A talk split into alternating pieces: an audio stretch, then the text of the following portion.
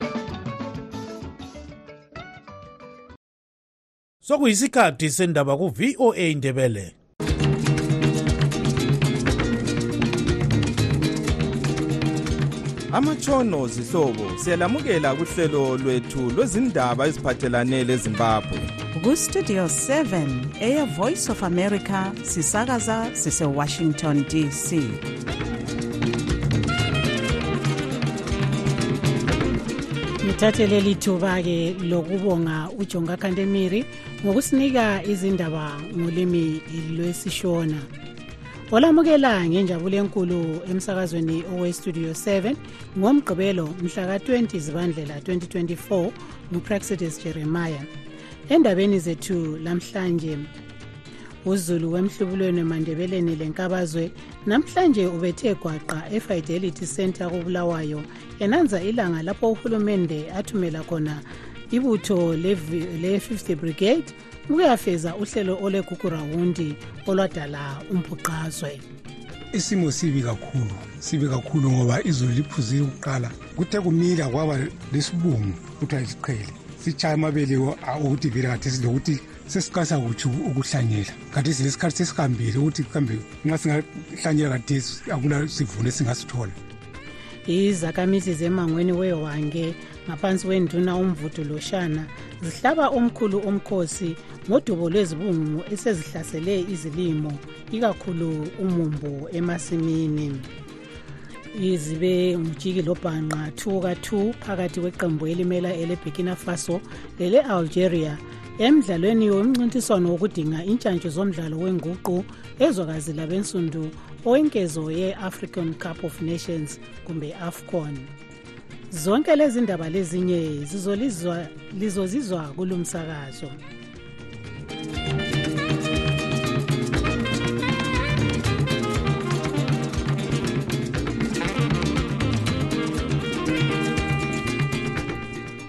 Zulu wemhlubulweni wemandebeleni lenkabazwe namhlanje umanyene enanza ilanga likamhlaka 20 zibandlela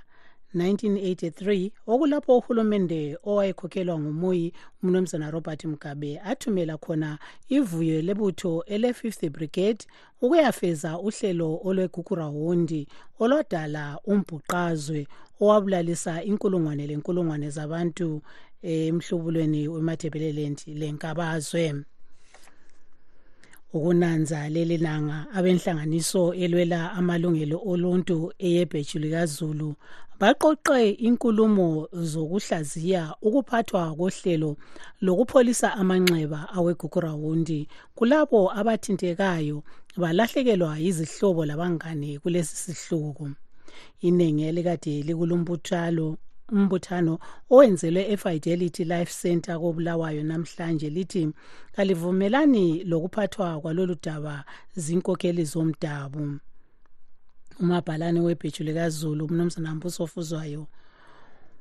uthe yena kabasekeli ngitsho lakancane uhlelo lwezinduna lolu ngoba luchiya phandle abanye ikakhulu abakobulawayo okuzamele eh, ba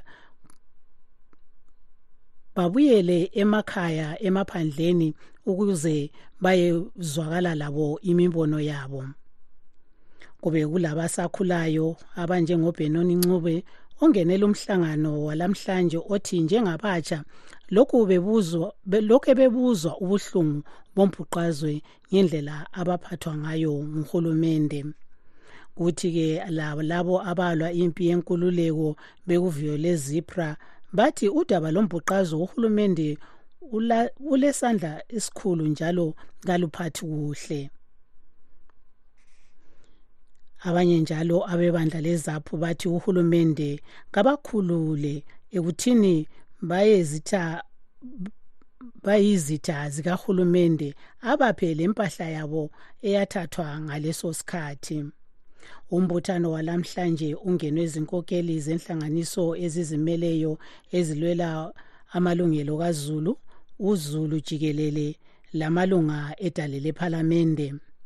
ngeviki ezayo uhulumende ukhangelelwe ukuqala ngokusemthethweni uhlelo lokuba izinduna zingene ebantwini zikhulumisana lozulu mayelana lombhuqazwe wegugurawundi owenzakala ikakhulu emhlubulweni wemathebeleland north le-south kanye le-nkabazwe kuthi ibulawayo lenkabazwe azikho kulolu hlelo osekudale ukukhathazeka lokwesaba okukhulu kuzulu abantu besithi uhulumende nguye owenza lesi sihluku sombhuqazwe kungani echiya phandle ezinye izigaba zelizwe kanye lokuvalela intathelizindaba lenhlanganiso ezizilwele ezizimeleyo ezilwela ilungelo loluntu phandle kwalezi nkulumo zokuzwa imibono yabantu ngodaba lombuqazwe owathatha impilo zabantu abedlula inkulungwane ezingamashumi amabili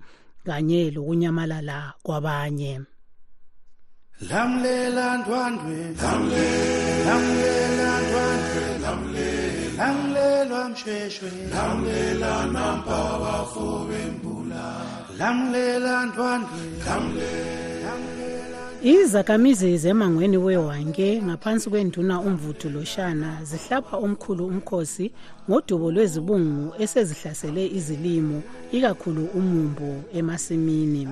abantu bathi lokhu sekubafaka kusimo esibi sendlala abalakho ukubhekana layo lonyaka kubika unokuthaba dlamini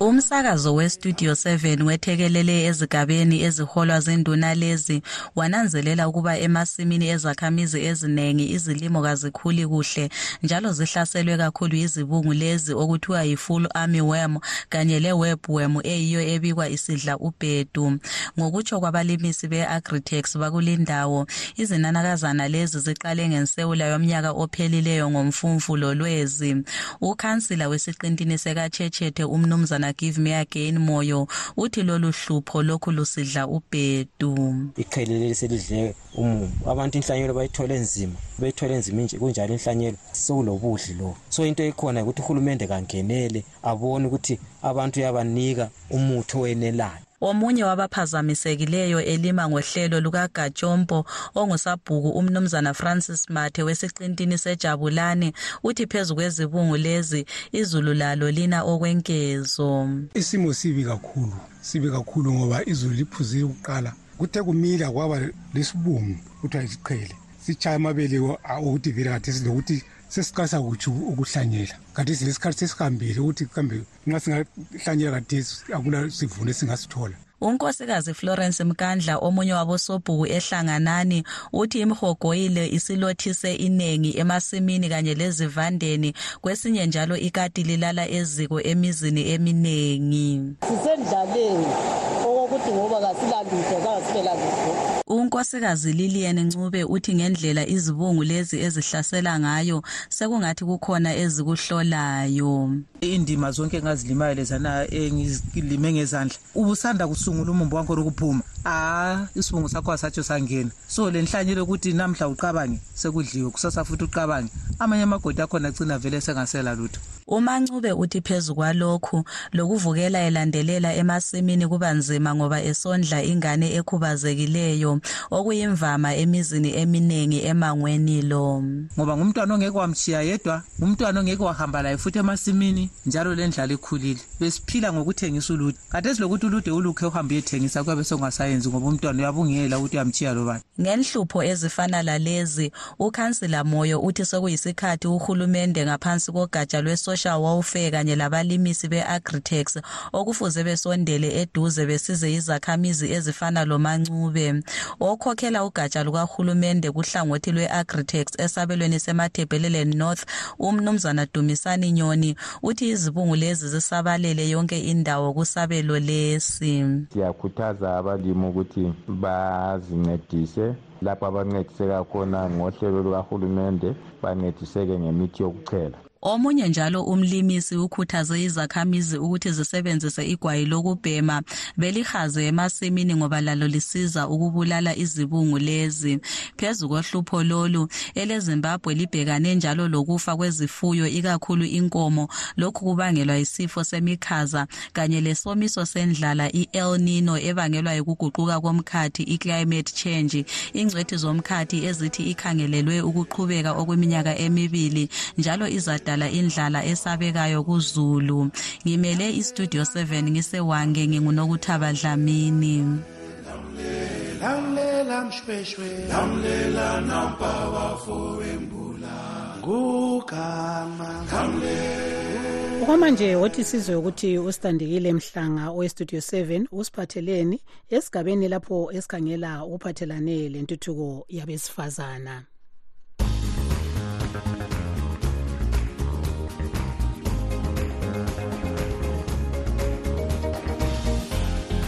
siyalamukela kweziphathelane labesifazana lilami usithandekile mhlanga lamuhla sicubungula okukhathaza abesifazana labasakhulayo okugoqela ukusetshenziswa kwezidakamizwa lokusilela kwamanzi sixoxa lonkosikazi mebel mbala umqeqetshi wenhlelo uward 28 wobulawayo ekunhlanganiso yebulawayo progressive residence association ku-ward 28 okungabe kuxaka omama lamankazana indaba yamanzi kakula manzi amanzi siwathola every seven days at times eight or nine days or even ten days so umuntu ongumama naturally wadalelwa ukuthi angahlalahlala ayirefresha ageze mpitshana so nxa kungala manzi for asithi at least seven days umuntu okumama kuye kuba nzima kakhulu kulezibhorane yes zikhona ezinye ziyasebenza ezinye kazisebenzi kodwa kuyabe sokulamalayini amakhulu okungangokuthi umuntu ongumama sephinda esiyathatha ama-more hours eselangeni egcekeni emelele ukuthi etshovise izigubhu zakhe angena akhelele abuye ngikhaya kuzokuthi olunye uhlupho olungabe luhlangana lama-youth in general esigabeni sethu ontanga labasakhulayo um sesingenelwe jikelele izimbabwe yonke luhlupho lwama-drug and substance abuse labo kabantwana be-country park kabasalanga kulokho bawelile phakathi kwechibilele libi sibabona nje belele abanye emgwaqweni sebekunathile kwabagenqula sihlabele omunye lele nje omunye sezimisele ebafaneni kakhulu then emankazaneni sibona nje ukuswelakala kwento yokwenza mhlawumbe no youth center akula nto yokwenza okukhona ngama programs abuyayo lezinye nje inhlanganiso zama-ngo azibuyi nsuku zonke zibuya ngemva kwesikhathi kukanti la amanye amalanga abantwana babe bengalanto yokwenza esingathi ngesikhiwa babe sebe-idle bengaselanto yokwenza intsha ngabantu abasa aba-hyper active bafuna ukuhlala nje besenza senza behambahamba bayele bayele so sebethatha isikhathi sabo besenza okungekho okungekho right for impilo yabo for ikusasa labo kuyini uhulumende angaphathisa ngakho ngalolu hlupho njalo sikhuluma nje zikhona yini ezinye inhlelo alazo ngoba sake sabona amapholisi ephatheka ngokubopha abathenga labathengisa izidakamizwa uhulumende-ke kulokhu bengakaze atsho ukuthi njengoba siyaripota siyakukhuluma kumhlangano ukuthi singacela ukuncediseka mhlawumbe kube lama-youth centers owama-library angakhipha abantwana entertained besingakaze siphiwe um isithembiso sokuthi sizenza lokho kuke kwaba khona ama-wi-fi akade khona ethubeni elidlulile maybe some three four months back abantwana abaningi besebezilibazisa khonapho kuma-wi-fi lawo kodwa khonapho besasekuzilibaziseni sinanzelele futhi njalo enye ingozi ekade mhlawumbe singayinanzeleli njengabahlali njengabazali be-ward 28 abantwana laba ku-wi-fi khonaphana besebevula lezinye izinto ezingayisizo anti umuntu sele access to internet bese besebevula lezinye izinto ezingayisizo befundisana futhi okungangokuthi eh ukubuya kwe-wi-fi kuhle kuphinde thina sithi wo sokukubi njalo ngokuthi nampa phela lo kade engakwazi sedonswa yilaba abakwaziyo bethi ah kulalokhu bona lokhu bona lokhu efonini yami so silokucela lokukhalaza kakhulu kuhulumende wethu ukuthi ngabe kuyahlalwa phansi sibonisane ngentsha le esitshabalala sincedisane ngentsha le esesibona engani sokulokutshabalala sibone ukuthi singabagoqa njani bagoqeke ngiyabo nxa ukhuluma ngama-wi-fi umnumzana mthuli ncube ekhankasela ukhetho usungule ezinye inhlelo ezigoqela ezezibholane khona ngapho ecowdry park aziphathisanga yini kwaba lobubelo sibili ku-there's a great change um ilokishi likhulule this is the biggest um location in bulawayo and probably the second biggest in zimbabwe abantu inumber yabantu i-population is too much versus amabhowol akhona agejiwe sibili amanye asebenza amanye hayi adengakaphilisi ayasinceda iwursay ayasinceda but we still need some more leyo bekuyingxoxo lo nkosikazi mabel mpala umqoqi wenhlelo kuward 28 ecowdry park kobulawayo ekunhlanganiso yebulawayo progressive residence association asidibaneni njalo ngomgqibelo ozayo lilami usithandekile mhlanga ngikhonapha ewashington dc ephuma enkundleni lapho-ke usithandekile eh udedela ku Chris Gande yena ke osethulela uhlelo liphuma lendaba litshone lendaba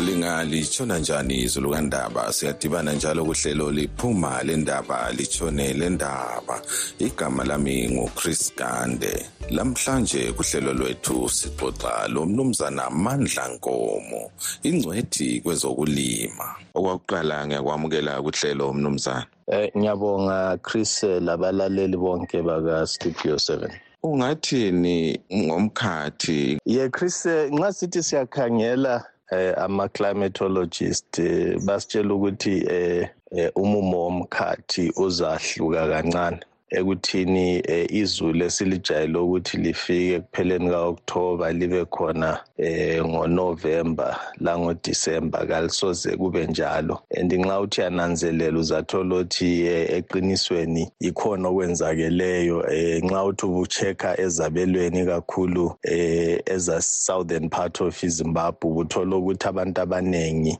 by christmas bebeloke bengakalimi ngoba izulu belingakeneli ukuthi umuntu akwanise ukuthi ahlabe umfolo kodwa ngemva kwekhisimusi siseqela kumnyaka omutsha lingani libe lokuqinisa laba khona so nxa sithi siyaqhathanisa lalokho eh izanusi ebezisitshele so khona eh sibona ukuthi hayi kuliqiniso ngempela and sikhangelele ukuthi mhlawumbe kusiya kunyanga ezayo phakathi kwayo lizabaleka izulu eh phose kube kuphela kwalo so nxa ngithi ngiyananzelela mina ngibona naye okwakathesi indlela ababesitshele ukuthi El Nino izakuba njani ngibona ngani okwakathesi ibe njalo ngempela manje nxa sikhangele osokwenzakala khona lokhu ungabaxwayisani abalimi ngalesi sikhathi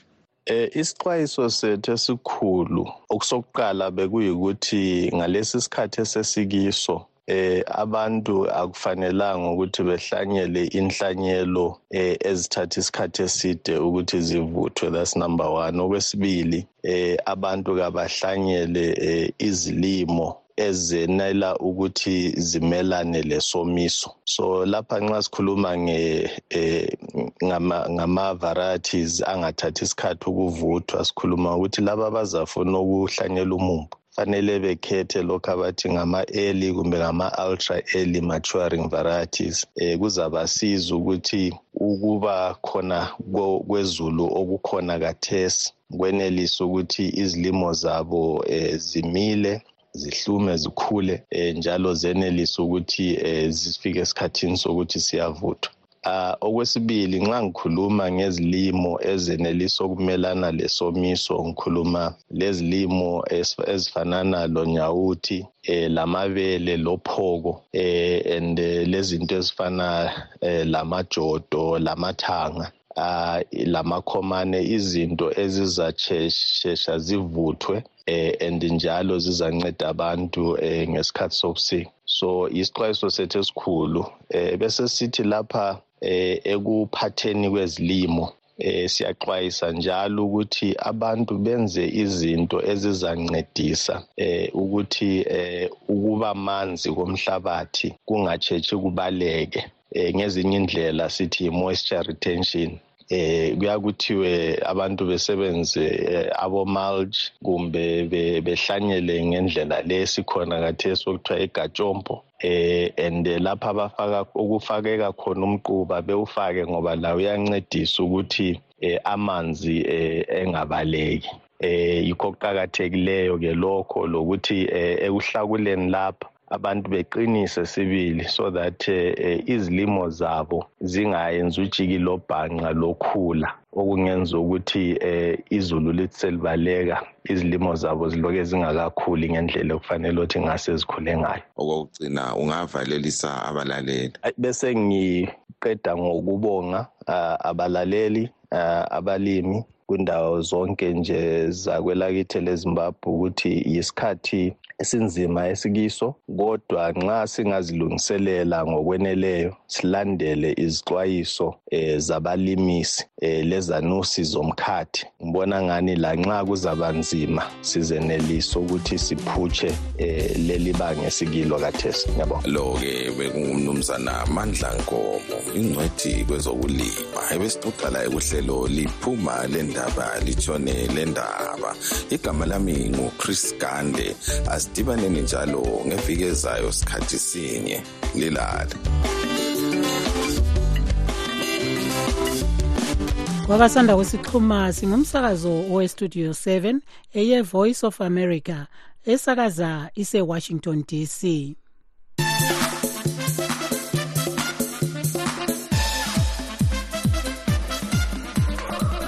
kwezemidlalo zibe ngutshiki lobhanqa 2 ka-2 phakathi kweqembu elimela eleburkina faso lele-algeria emidlalweni yomncintiswano wokudinga intshantshu zomdlalo wenguqu ezwekazi labensundu owenkezo e-african cup of nations kumbe afcon lo mncintiswano uqale kwele ivory coast ngeviki edluleyo mhla ka-13 zibandlela njalo uphela mhla ka-11 wenyanga ezayo kanhlolanja ngomdlalo phakathi kwetunisia lelemali uphakathi usikhuluma kanje ozalandelwa ngophakathi kwele mauritania le angola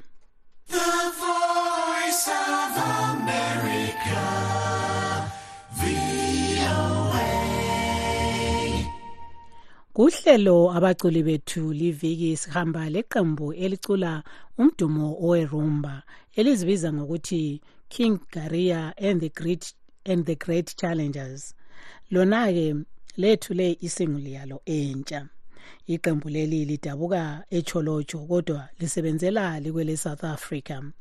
nangu umholi walo umlungisi ncube exoxa lontungamili nkomo owestudio 7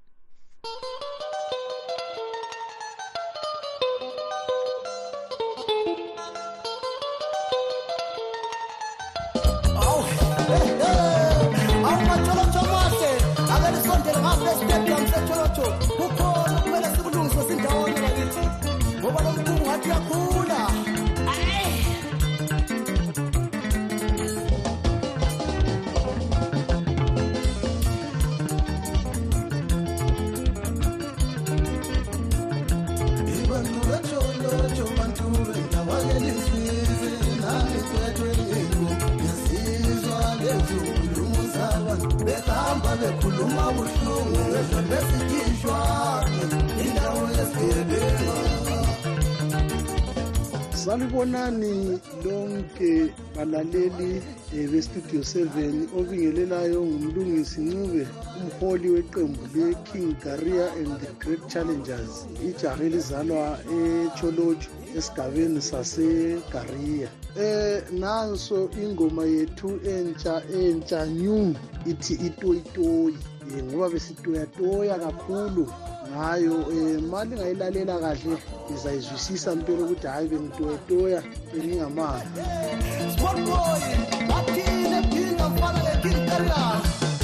batshele ukuthi lonyaka ngiyakhuza abetumba yakhala umfana wami kumadrums ukuthi kariha lonyaka zabayizele kuye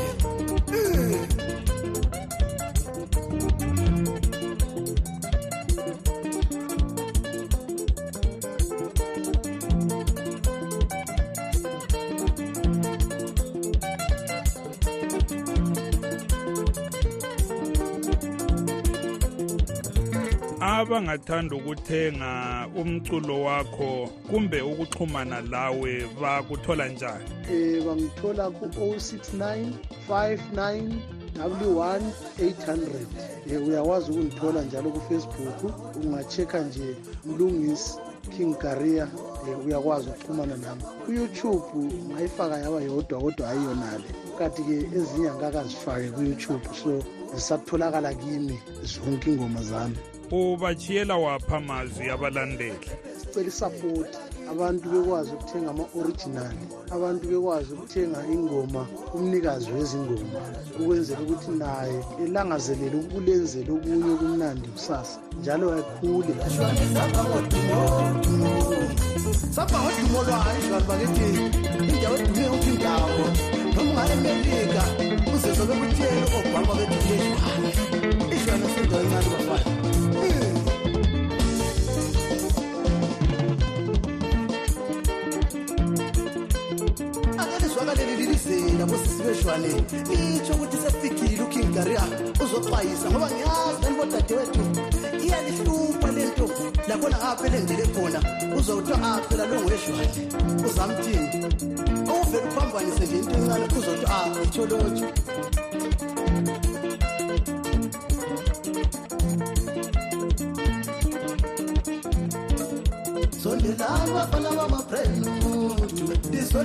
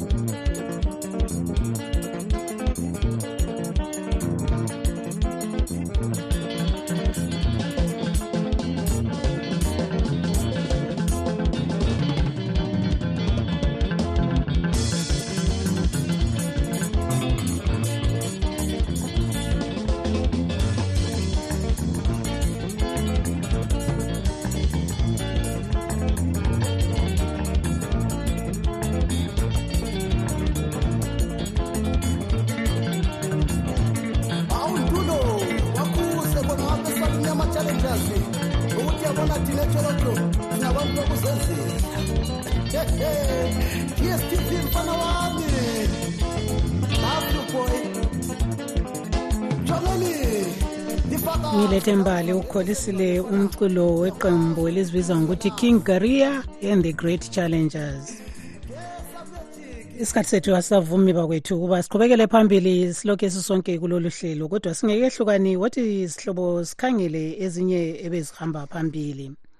uzulu wemhlubelweni emandebeleni lenkabazwe namhlanje ubethe gwaqa ifidelity center kobulawayo enanza ilanga lapho uhulumende athumela i-fifth brigade ukuyafeza uhlelo lwegugurawundi olwadala umbhoqazwe izakhamizi zemangweni wewange ngaphansi kwenduna umvudu loshana zihlaba umkhulu umkhosi ngodubo lwezibungu esezihlasele izilimo ikakhulu umumbu emasimini zibe ngutshikelobhanqa 2 ka-2 phakathi kweqembu elimela eleburkina faso le-algeria emdlalweni yomncintiswano we-african cup of nations silugqiba ke lapha uhlelo lwethu lwalamhlanje oluvalelisayo umpraxetis jeremiah